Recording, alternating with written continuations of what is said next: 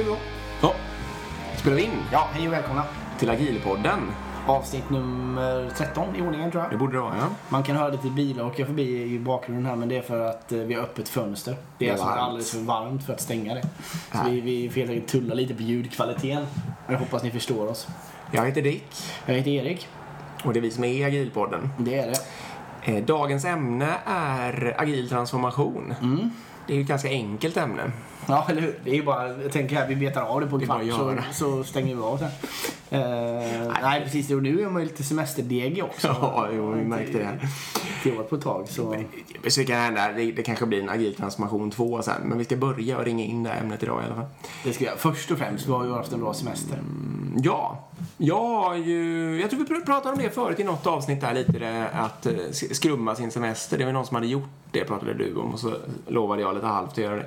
Och nu har jag lite halvt infriat i luftet för jag har åtminstone jobbat med en backlog tillsammans med barnen här. Ehm, så vi, vi hade en vecka här i Stockholm, då passade det ganska bra för då var det väldigt öppet vad vi skulle göra och sådär. Eh, Och då hade vi helt enkelt ett papper som låg här på köksbordet som jag tyvärr inte hittar just nu som eh, innehöll alla idéer. Och typ sen- gå till lekparken. Ja, eh, precis sånt. på Vasaparken var med. Ja.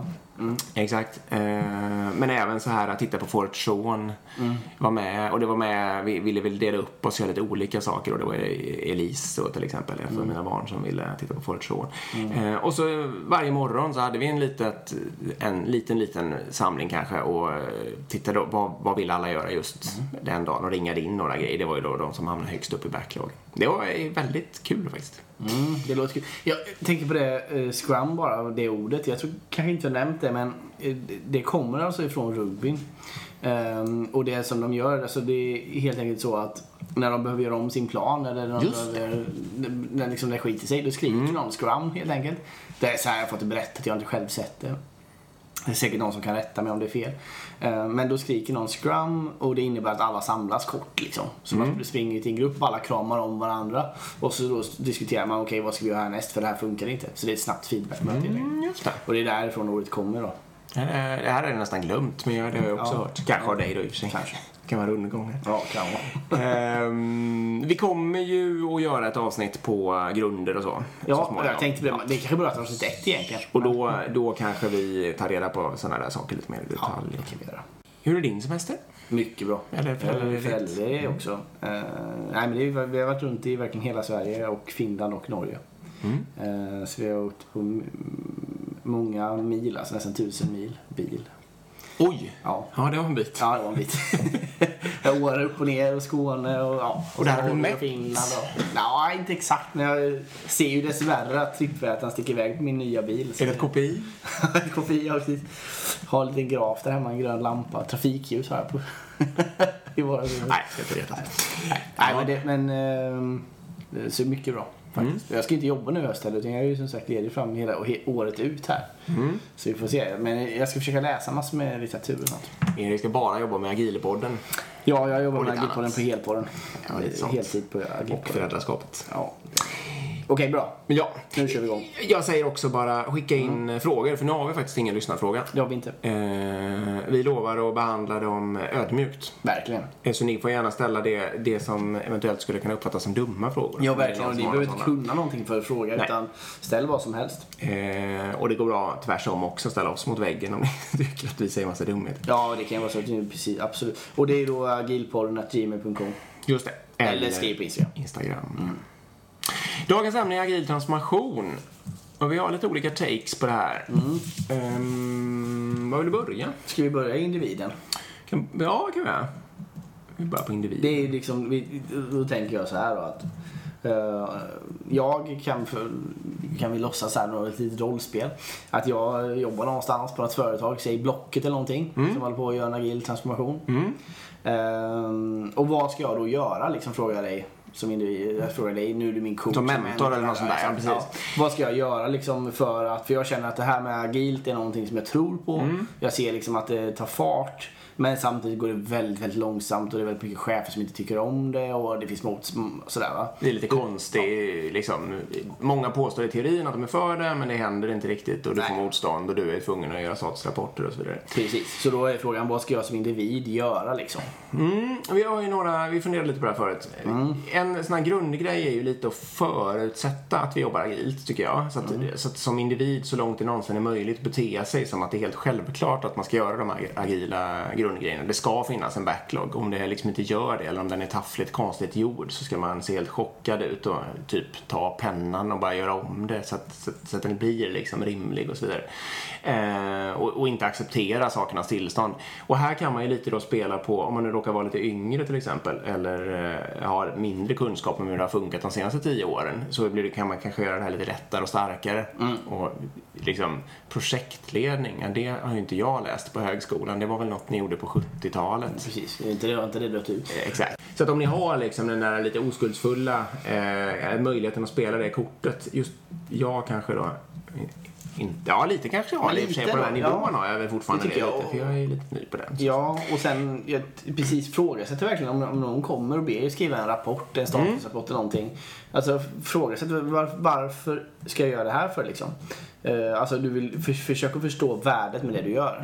För om du inte själv förstår det, då tycker jag inte heller du ska göra det.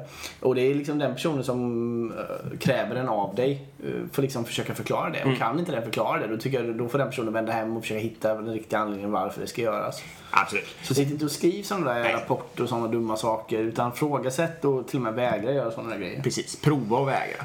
Ja, Det har ju faktiskt hänt några gånger i min karriär att jag har sagt, jag har kanske inte tokvägrat, men jag har sagt så här att om jag ska göra det där så måste det komma en direkt eh, order från min egen närmaste chef.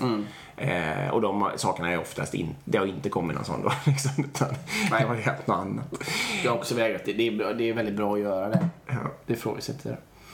Mm, man kan be att få prova om, om det är så här äh, väldigt osäkert, om det är mycket liksom, äh, så har vi inte gjort förut och alla de här. Så kan man ju säga att äh, kan vi inte testa det i två veckor, alltså försöka göra det lite ofarligt. Kan vi inte testa det på ett team? Ja, hur man nu gör då. Precis. Men man kan ju säga det också att skit i förstudier och sånt utan testa istället. Be om att få prova och kolla på det faktiska resultatet. Och sen var inte sämre än att du kan ge det och säga att okej det kanske inte funkar just på det här som jag tänkte utan vi får testa på ett nytt sätt. Eh, men det är en bra idé.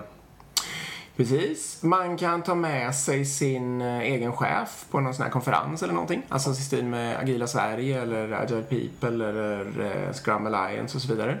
Eh, s- säg att jag tror verkligen att du skulle ha nytta av att följa med mig och så vidare. Eh, och sen försöka få med personen. För det kan ju leda då till att man får en liten ö som sprider sig sen. Det blir ringar på vattnet. Ja, absolut. Det är bra idé.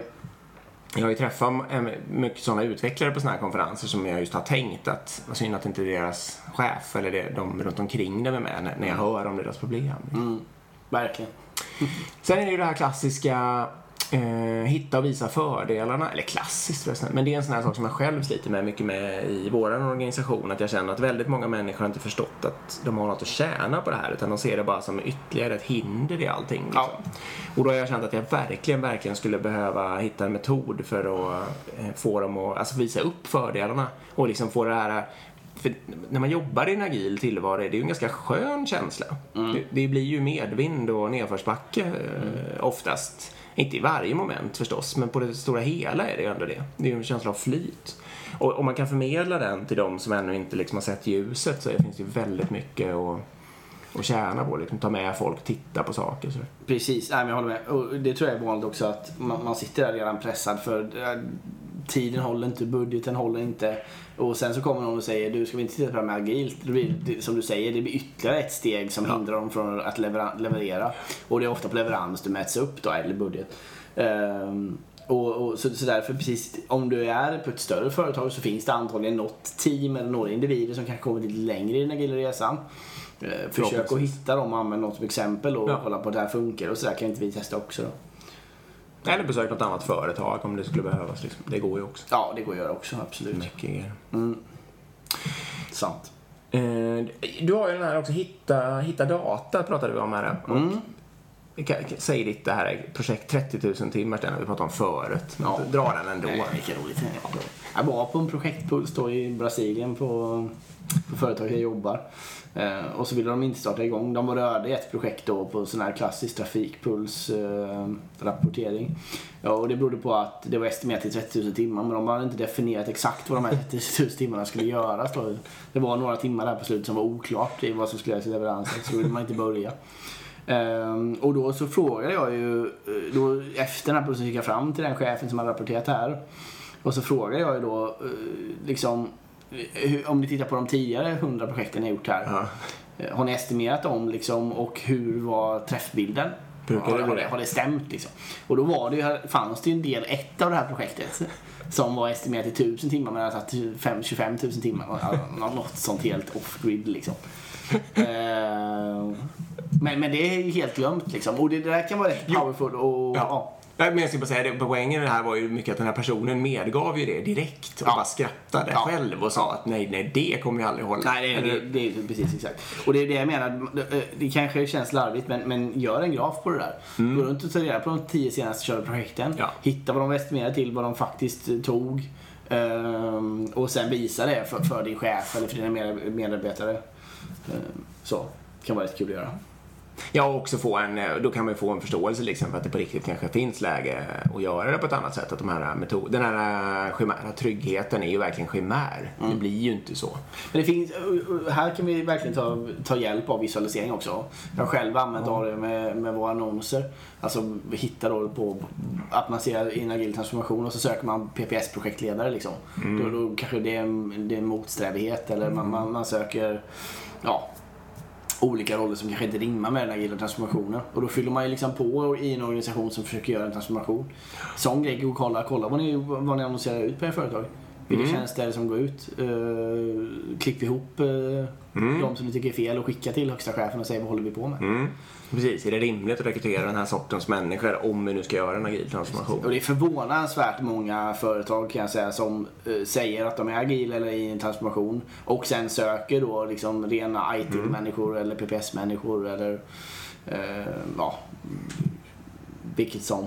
Ja, och det är ju precis. Det är bra syner. Otroligt bra. Där är ju du, du har ju gjort bra grejer där. Just Just där har Vi har analyserat på vårt företag i flera månader vad det var för annonser som egentligen gick ut. Ja. Ja. Och det kommer fortfarande ut skit kan jag säga. Mm, Ja, ja, men det är väl där någonstans man som individ liksom får försöka eh, harva på. Vi ska prata lite om det här, eh, för nu tänkte vi lite nerifrån perspektivet för individen då. Det finns ju en sån eh, inneboende utmaning i det här med transformationen, att det liksom finns ett uppifrån och ett nerifrån perspektiv, att det kanske sitter någon lite teoretiskt uppifrån tänker sig att det är bra, så finns det människor som på riktigt nerifrån har förståelse, energi och vill göra transformationen och så krockar hela det här. Eh, du, det här tycker jag också är en bra spaning som Erik har då, att det finns ju individer ofta uppe i företaget som teoretiskt har förstått fördelarna med eh, en agil transformation, men som liksom inte har det i sig på något sätt. stämmer. Och, och det är en utmaning då, för att då kan man, så länge, det, så länge man pratar om vad man ska göra lite framåt, lite lösare och så vidare, så funkar det hur bra som helst och man kan få förståelse för lite planer och, och liksom åtgärder och grejer sådär. Men sen när det helt plötsligt tjorvar till sig på något vis och det inte blir som man har tänkt, då får man titta på vad de egentligen efterfrågar och då ber de helt plötsligt om någon statusrapport Ja. eller något sånt där. Då blir det så ja. Mm. Eh, och det där får man ju se upp med. Och de ska man ju inte heller... De gäller det att peppa på något sätt. Och, och på något sätt det gäller det att hjälpa dem att knyta ihop sin teoretiska förståelse med sitt praktiska agerande och påminna dem om vad de sa liksom veckan innan när allting var lugnt. Eh, och så ger de det som exempel att nu agerar du lite tvärs emot det som du sa att vi ska jobba med här. Och, det, och det, ja, är, de välvilliga så finns det ju alla möjligheter där. Ja, sen så tror jag man ska ösa på med när det funkar också. Alltså om Ja, personen beter sig Mm, rätt så precis. ger man positiv. Precis. Ja. Man kastar på allt bra. Kolla nu har vi gjort en release till. Kolla hur mycket värde vi har fått ut nu. Kolla, kolla och sådär. Då blir det Driva liksom, rätt beteende. Ja, då driver det rätt beteende. Verkligen. Sen om man tittar på här, höga till halvhöga chefer så kan man ju ibland bli lite, tänka att det här kommer aldrig gå och sådär. Eh, De fattar inte kanske en känsla som dyker upp. Och vi har försökt lite här, eller man kan, jag tycker man kan bena upp det här i att det kan, dels kan det vara en ren kompetensfråga. Mm, absolut. Och då eh, kan det ju verkligen hjälpa med utbildning. Och, och då är det ganska... Men sen kommer det tillbaka till det här som vi pratade med med Pia-Mia, att det kan också vara en drivkraftsfråga. Och det är väldigt, väldigt viktigt tror jag att först förstå om det är en eh, kompetensfråga eller en drivkraftsfråga innan man liksom ger sig på och försöker se vad som ska göras. För att, vad var det hon hade för exempel? Det var så här om någon drivs av status och Mm. makt så kan det bli svårt. Det kan hända personen kan ändra sitt beteende till viss del men om den där, exakt de drivkrafterna till exempel är starka så kan det vara en utmaning. Mm. Ehm, mm, och, och, så, så min tes är ju lite då Starka felaktiga drivkrafter, då kan det bli svårt. Då kan hända personen inte ska ha- jobbet. Men eh, kompetens som saknas, det går ju nästan alltid. Om, om det finns en vilja från personen så går ju det att åtgärda. Absolut. Och det, då kommer vi in på det här byta ut kortet då. Precis. Eh, Säg det, vad du tycker om. ja, och det är ju ett, ett Har man, enkelt har man rätt till sitt jobb? Ja. Nej, På livstid? ja, det har man. Nej. Men byta ut kortet är lätt att spela. Jag, ska bara säga, det är, alltså jag har själv slängt mig med det när jag är förbannad ibland. Liksom, men man byter Ja. ut skiten. Det har liksom, en annan gång att jag har hört ja. Men, och det är lätt att kasta ut det liksom som att det är den enkla lösningen. Det är det ju nödvändigtvis inte. Men det, det som är själva poängen här det är egentligen att jag tycker inte att chefsjobb eller någon annans jobb för övrigt är liksom på livstid. Utan det är ett lån man, man egentligen lånar eller har Ja, har på lån kan man säga. Och sen så kommer förutsättningarna ändras och då kanske det inte är du som ska ha det jobbet längre. Nej. Eh, och eller företaget går inte till- tillräckligt bra och då behöver man inte ha dig längre Nej. och då ska du bort. Liksom. Så pass enkelt är det ju ändå. Eh, och- men så funkar det ju inte riktigt i verkligheten tycker inte jag. Nej, tillräckligt bra. Eller Nej, för ofta mycket. är det så att ja, nu har jag blivit chef Ja. här och nu förväntas jag att jag får chefsjobb Ja. resten av min karriär. Oberoende om egentligen hur jag faktiskt presterar Ja. eller sådär. Ofta på den nivån också. Ja. Eller personen vill väl i och för sig prestera men personen förväntar sig kanske ofta att kunna prestera på samma, med samma metoder och samma sätt och med just samma drivkrafter som när hen fick det där chefsjobbet. Det är ju lite där någonstans det börjar. Och det kan ju varit 20 år sedan den personen fick det chefsjobbet och sådär. Precis, så det jag vill komma fram till är liksom att jag tycker företag som eh, framförallt har egna individer som avsäger sig sitt chefsjobb borde hyllas. Ja. Eh, och eh, jag tycker också att man borde ha en mycket större rotation på chefer. Ja. Eh, för jag menar, det, om man ska göra transformation eller om företag vill ändra riktning och det måste företag göra för företag måste ju följa trender i samhället. Liksom. Mm. Så, och, och om inte då che- cheferna eller individerna som arbetar med det här är beredda att följa den riktningen så är det ju ett helvetes jobb att transformera över dem varje gång. Ja. Och då, jag ser ingen anledning, det är ingen välgörenhet som sagt.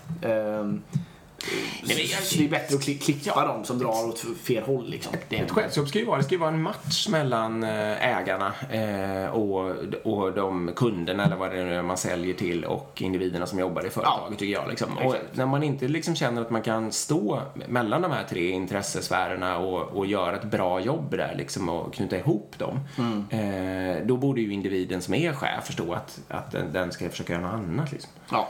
Jag hoppas att jag eh, alltid kommer att begripa det. Ja, vi sitter väl här antagligen om 20 år och gaggar om varför vi inte får högre chefspositioner. Precis. Trogna lyssnare kan ju påminna om det här avsnittet. Ja, snälla gör det. Ja, men det är bra. Mm. Ja, det är mycket bra. Nej, men en, en rimlighet där. Göra en avvägning liksom i sin organisation om vad, vad har individerna för drivkrafter, vad har de för kompetens, vad kan man förvänta sig, men sen liksom inte försöka att hitta en kultur där det inte hamnar så himla mycket prestige i det, utan där, liksom, där människor får bidra med det som de funkar Ja, till. Liksom. precis. Och det kan man ju göra också då via till exempel att inte ha massor med höga löner på enbart chefsjobb. Precis. Och så, det går ju att jobba med liksom på många sätt. Va? Och inte bara ha chefskarriärer utan ha liksom tekniska karriärer och sånt också. Exakt, helt precis.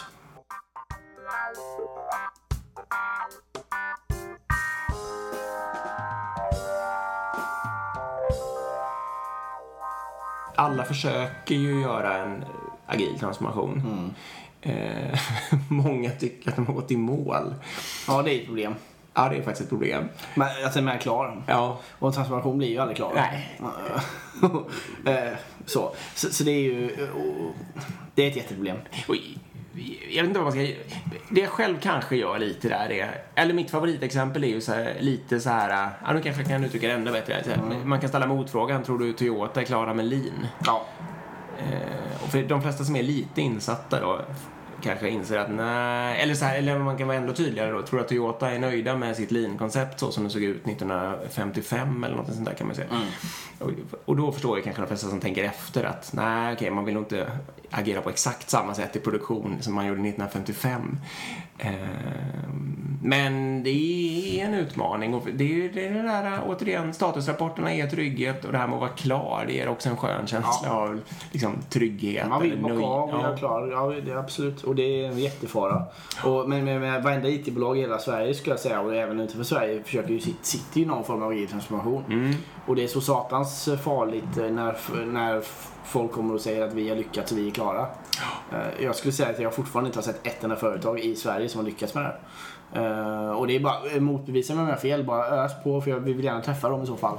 Ja. Det finns företag som har kommit längre såklart än andra. Men jag ser ingen som liksom har inte gått i mål, för det gör man inte, men, men har kommit liksom till en problemfri eh, värld än liksom. Nej, det är en intressant fråga faktiskt.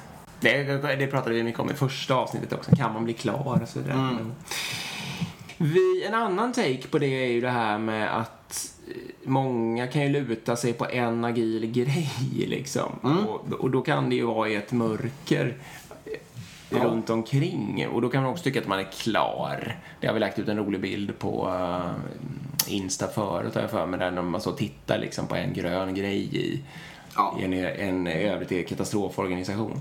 Precis, och det, det, det, för det, det här kan ju vara på flera nivåer. Och en nivå är som du säger att man har eh, ett team eller en applikation eller Ett vad det nu kan projekt. vara, ett projekt eller vad det kan vara. Som faktiskt levererar och lyckas göra det på någon form av ja, agilt sätt. Ja. Och så tycker man då bra, vi jobbar agilt, nu kan vi lägga av.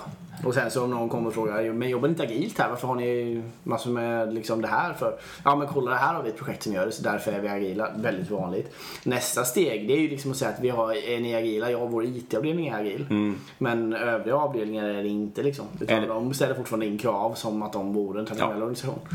Eller det- till och med systemutvecklingsavdelningen på IT är agil. Ja. men eh, operations och infra och allt jox runt omkring liksom är är inte det. Infra tillåter bara le- eh, leverans en gång i månaden till exempel. Ja. Eller sånt där. Ja. ja visst, absolut. Och, och det gäller att se upp med då. Det är väl egentligen bara det vi tänker. Ja, det och det. se det mönstret liksom, inte gå på det eller vad man ska säga. Men låt oss säga nu då att du eh, avancerar din karriär här och får en VD-tjänst. Mm. Ehm, och nu är du liksom VD för ett bolag. Skitsamma vad de gör egentligen. Det kan vara Mm. systemutvecklingsbolag eller en produktbolag. Mm. Ehm, och så känner du, ja okej, du tar över i en agil transformation kan man säga. Mm. Vad, vad ska du börja göra? Jag skulle bara poängtera, det är, jag tycker ändå att det är en skillnad om det är stödjande IT eller om det är eh, inkomstbringande IT. För att om man direkt säljer den där grejen som, som IT skapar, eller som skapas via IT, då är den där VDn på något vis ansvarig för intäkterna också. Men om det är stödjande IT så är den ju inte riktigt det oftast. Eh, och, och det är ändå en skillnad där och det är faktiskt ett svårare det där med att hålla som ett litet eget IT-bolag för stödjande IT men med någon slags påhittad prislista till moderbolaget är ju ändå en, det är ju ett svårare Ja, sits det liksom. Det är lite Och det, är ju- konstlat. det är utdöende också skulle jag säga. Ja, det är nog det va? Det Det, var starkare på 00-talet och 90-talet. Min känsla är att det är utdöende.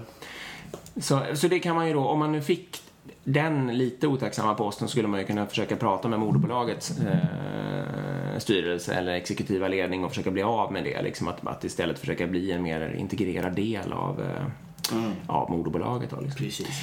Eh, men i, alla fall, om man är chef för en, lite, en större organisation, ja, vad är det att göra då? Det, det, jag det kommer tillbaka till det här med vad har jag för ledningsgrupp, vad har jag för chefer, vad har de för drivkrafter och göra en sån analys och vad har de för kompetens och liksom göra utvecklingsplaner eh, om det känns rimligt och att göra eh, Alltså byta ut dem som har sådana drivkrafter som liksom inte längre stämmer med ägarnas intressen då egentligen. Mm. Ja, men absolut, jag håller med. Det är ändå där som man behöver börja på något sätt. Mm.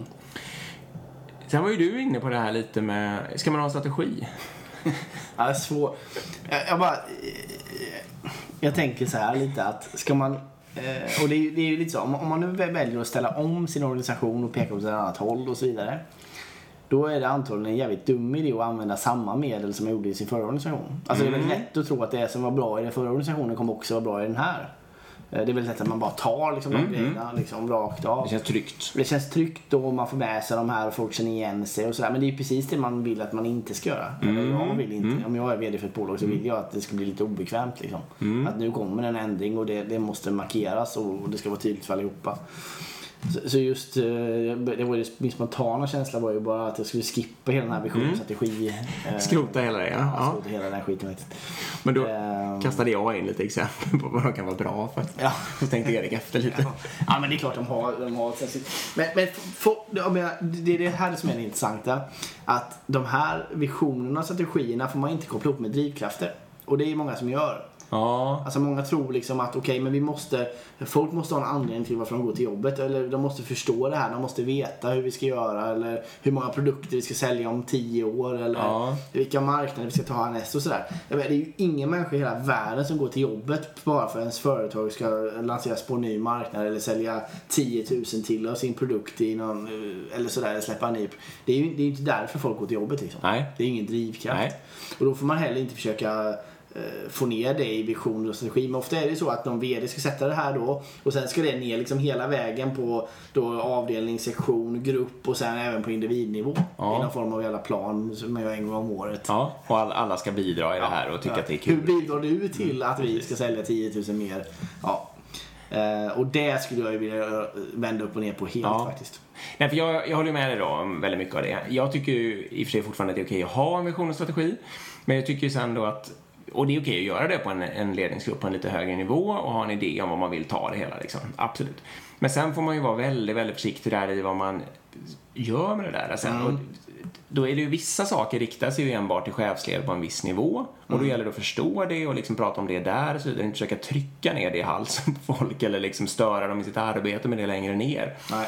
Eh, och andra saker kanske riktar sig till alla och då gäller det att kunna hitta väldigt tydliga enkla budskap kring dem. Det skulle ju kunna vara en eh, två veckors eh, strategi eller något sånt där. Liksom allting ska kunna köras varannan vecka eller något sånt där. Eh, och som du själv sa att en vision skulle ju kunna vara vi ska jobba i en agil kultur eller något sånt där. Det skulle man ju kunna tjata om. Det skulle ju kunna stå på väggarna överallt. Ja. Så eh, vi kommer ju ganska fort till det här att det behöver finnas en enkelhet sen i själva tillämpningen av det här. Och det behöver också finnas en, tycker jag då i alla fall, att någon slags backlog-tänk eller liknande. Att någonting behöver ju vara det viktigaste som man faktiskt på riktigt tar tag i just nu, 2017. Det får inte vara det här att man ska putta på alla bollarna samtidigt hela tiden, för då blir det ingenting gjort. Eh, sen därmed inte sagt att man ska kunna luta sig tillbaka och bara ta en sak och sen så eh, göra den i någon slags lugn och ro. Men att man behöver ändå på något vis starta upp med lite, liksom, lite svung behöver man få fart på några frågor tills de sj- självrullar och då kan man börja ta tag i nya. Och det funkar ju om man har, ser vad som är, står högst. Absolut. Eh, Jag kom på ytterligare en fara, eller en fara, men, en fördom jag har mot vision och strategi. Det är ju liksom att det sitter då en, hö- en ledningsgrupp, högsta ledningsgruppen och hittar på det här. Eh, Och sen när de ska ta sina beslut eller de ska liksom bestämma massor med saker så kommer man liksom försöka hitta något att stödja sitt beslut på. Eh, Och då försöker man liksom hitta, ja men fan, står inte det i vår strategi förresten att vi eh, ska göra så här? Vi ska gå mot A liksom. Jo, men vi går här mot A verkligen? Ja, men om vi tänker så Ja, så här. tweakar man det. Och så tweakar man in det där, ja, tvångstweakar in det mot, mot motiv A.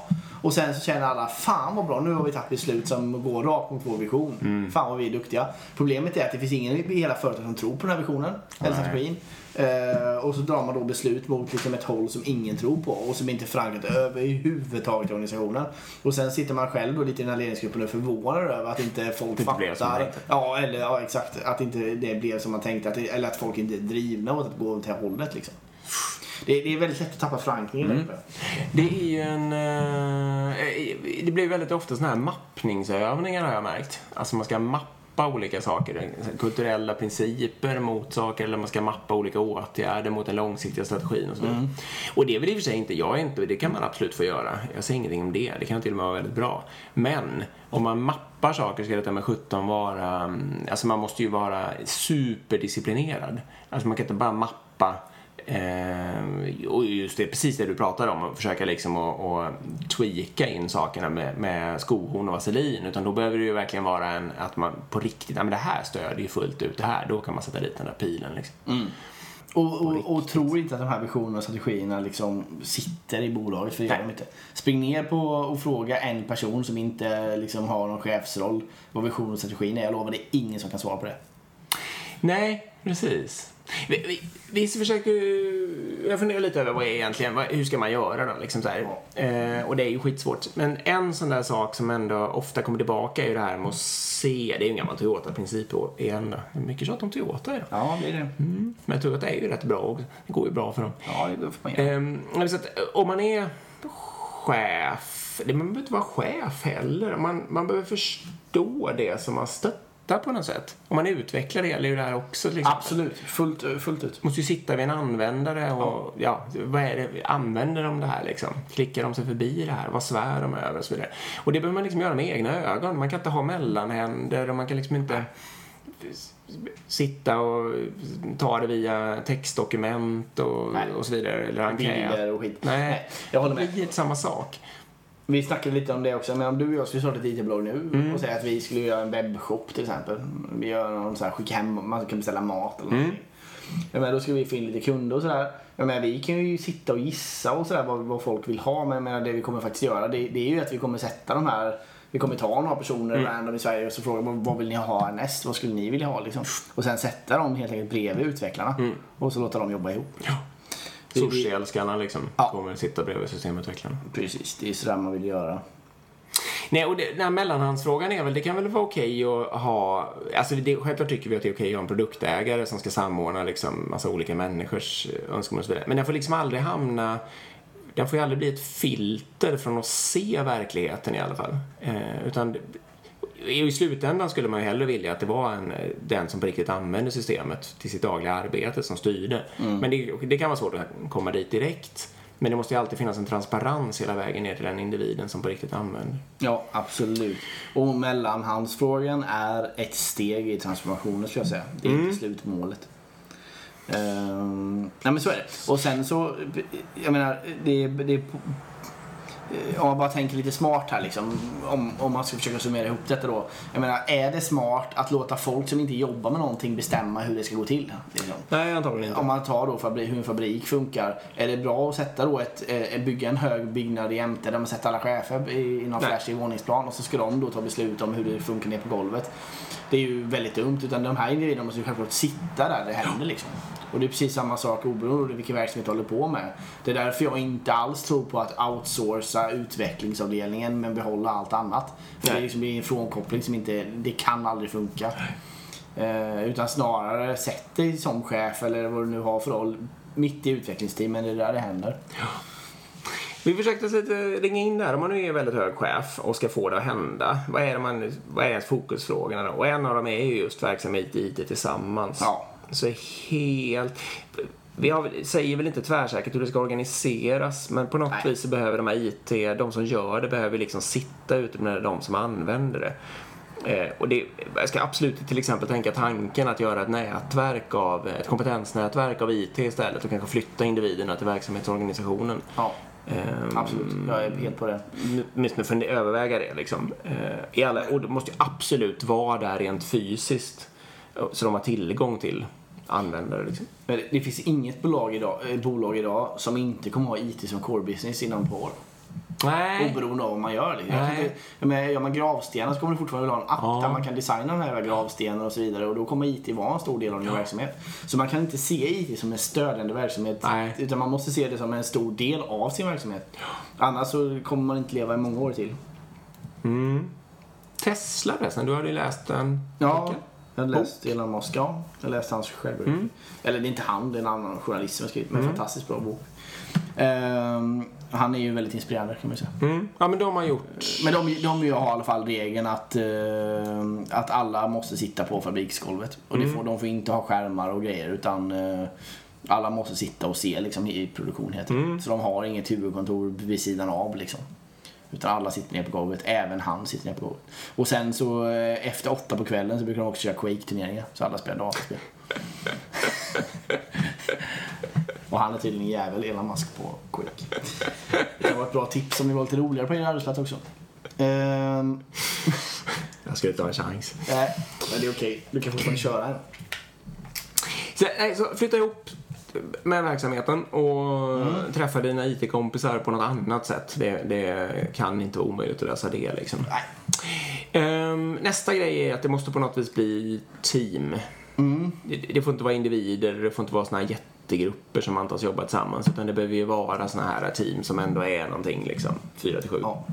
Absolut. Tre till åtta. Och det är inte helt enkelt att få till såklart, men, men, eh, men det behöver det vara. Ja, och det, man får börja någonstans. Ja. Man får göra ett, man får be de andra kopiera, man får hålla på sådär liksom. Ja. Men, men det där tycker jag man kan, det är okej att syna det liksom. Ja, Det har vi pratat om förut i podden att jag har gjort i min organisation till exempel. För Mm. det, det är så pass centralt och viktigt så det är inte okej att, att bara liksom lita på att det händer utan det behöver liksom Nej, det, det måste ske. Det Ja, får bli lite...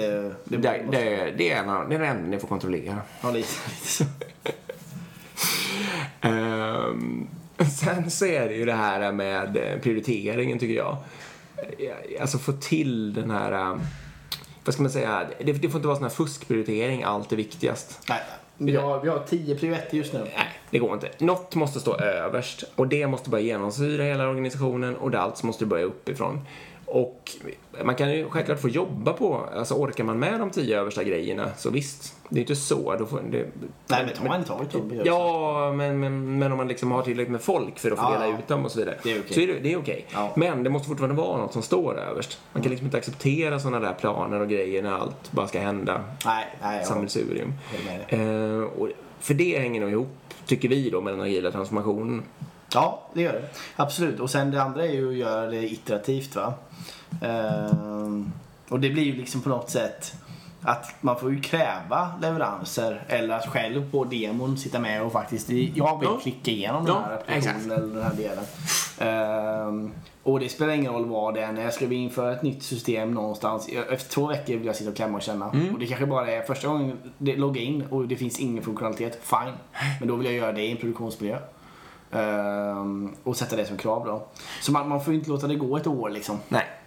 För, precis. Så, hur hög chef du än är, eller liksom, kräv att få se på det efter ja, två veckor eller fyra veckor eller något sånt där. Men, men eh, är det en stor viktig aktivitet så måste det gå att titta på någonting. Och det kan ju hända då att det blir värsta uppståndelsen första gången du kommer och vill göra det och att oj, vi har ju ingenting att köra och det här går ju inte så vidare. Men eh, börjar du driva det beteendet då kommer det ju hända förr eller senare. Ja. Liksom. Och det, det, självklart kan man ju vara trevlig Ja, precis. så att säga, i anslutning till det här. Absolut, utan absolut. in, inte något dömande verkligen. Nej, utan popcorn och- supernyfiken. Ja. Exakt. Popcorn och, och cola liksom. Ja. Nu vill jag titta här. Eller, eller framförallt köra. Då. Ja. Mm. Mm. Sen gäller det att skapa ett lärande. Ja, det gör det. Och det, det, det känns som det här är lätt att säga, Mm. men svårt att göra alla de här punkterna egentligen faktiskt. Och det, och det vill säga också en agil transformation, i alla fall med min erfarenhet, är inte enkel. Du gör inte den på en dag, utan det är många års jobb. ehm, där det liksom handlar om att bara trycka på och fortsätta eh, och kriga liksom. Ja. Ja, Ehm, så. ibland kan det kännas så himla nattsvart. Fast sen när jag tänker efter så är det ju också, vad ska man säga, vi- vi- Mm. snöbollen, om man får igång snöbollen lite. Man kan också säga att det är jättepositivt liksom, för den kommer inte börja rulla uppåt i backen sen igen när man väl har börjat Nej, få lite fart på den liksom. Man får ju in fler och fler unga människor med mer och mer energi i rätt riktning och det, börjar, det händer ju sen. Och det, Så- ja. ja. Efter ett tag kan det kännas som att jag inte har lyckats med någonting. Men eh, tittar jag sen i backspegeln över lite längre period så ser jag nog att jag kommer ju inte åka tillbaka till eh, 2005 här helt plötsligt. Nej, så är det. Och sen det som händer också, eh, vi som har jobbat i en transformation i ett par år, är ju också att det kommer pluppa upp rätt mycket bra folk. Ja. Alltså kommer, Ja. du, ni kommer märka Ja. liksom att oj, Kalle där borta, Ja. han var taggad på detta. Och han vill köra agil coach. Eller eh, Sara som utvecklar, hon har helt rätt approach till det här. Och, sådär. och med de individerna kan man ju då se till att sätta lite rampljus på så de får sprida sin kunskap. Ja. Och, liksom, och det gör ju också att om de då liksom får mer eh, frihet och hörs mer också i organisationen så kommer de ju hjälpa till i den här transformationen.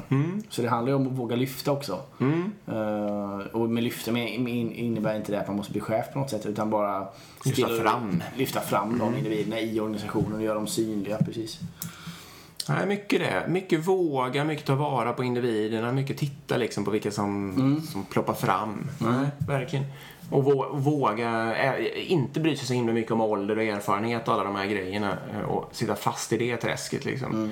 Utan på riktigt ta tillvara på de som gör någonting bra och vill någonting. Ja, och sen ni som sitter och lyssnar på det här. eh, Vi har fått mail från en del av er som sitter och känner er frustrerade i någon organisation där det inte liksom, de man jobbar med en transformation men det går väldigt långsamt och sådär. Eh, Fan, stå på er nu och kör på lite och, och, och acceptera inte att det tar tre år. Jag tycker inte det är okej heller. Utan det, måste, det går att göra snabbare. Eh, Man behöver inte sitta och vänta i all evighet. Samla på er exempel, var jobbig, mejla och driv. Jag menar, företaget har ju anställt er, inte för att sitta och nicka och bara göra det som ni blir tillsagda. Liksom. Nej. Utan ni, ni är ju anställda för att ni ska kunna se förbättringspotential i organisationen och hjälpa organisationen att, att liksom driva och trycka fram det här. Eh, Så försök att ta tillvara på det där. Och så hänvisa till Agilpodden inte Ja, minst. Det kan ni Som någon slags facit. Ja, exakt. Ja, precis. Om ni blir osäkra och någon gång måste liksom kolla längst bak i facit så är det bara att scrolla in på agilpodden och trycka på play. Ja, exakt. Det är bara att välja. Ja, enkelt, så enkelt är det väl. Precis. Ja, börjar vi känna oss klara? Jag tror vi har touchat det mesta. Mm. Det är inget enkelt ämne. Nej, det, kan, det här kan jag tänka mig att det kommer en uppföljare på. Det kan det faktiskt göra. Vi kanske ska med något företag som har gjort det eller något sånt. Vi får se. Ja, precis. Ehm, ja, men supertack för att ni lyssnar. Som Mm. sagt, som, som vi touchade i början där. eh, Frågor. eh, Mm. Förslag på ämnen är okej också, eller vad som helst. men gärna enkla frågor, eh, så att säga. Det är verkligen okej att ta dem också. Mm. Och in och, lyssna, eller in och följ oss på Agilpodden på Instagram. Eh, och mejla som sagt, agilpodden.gmail.com. Tack Så ska ni hörs vi om två veckor. Det gör vi. Tack. Hej. Hej.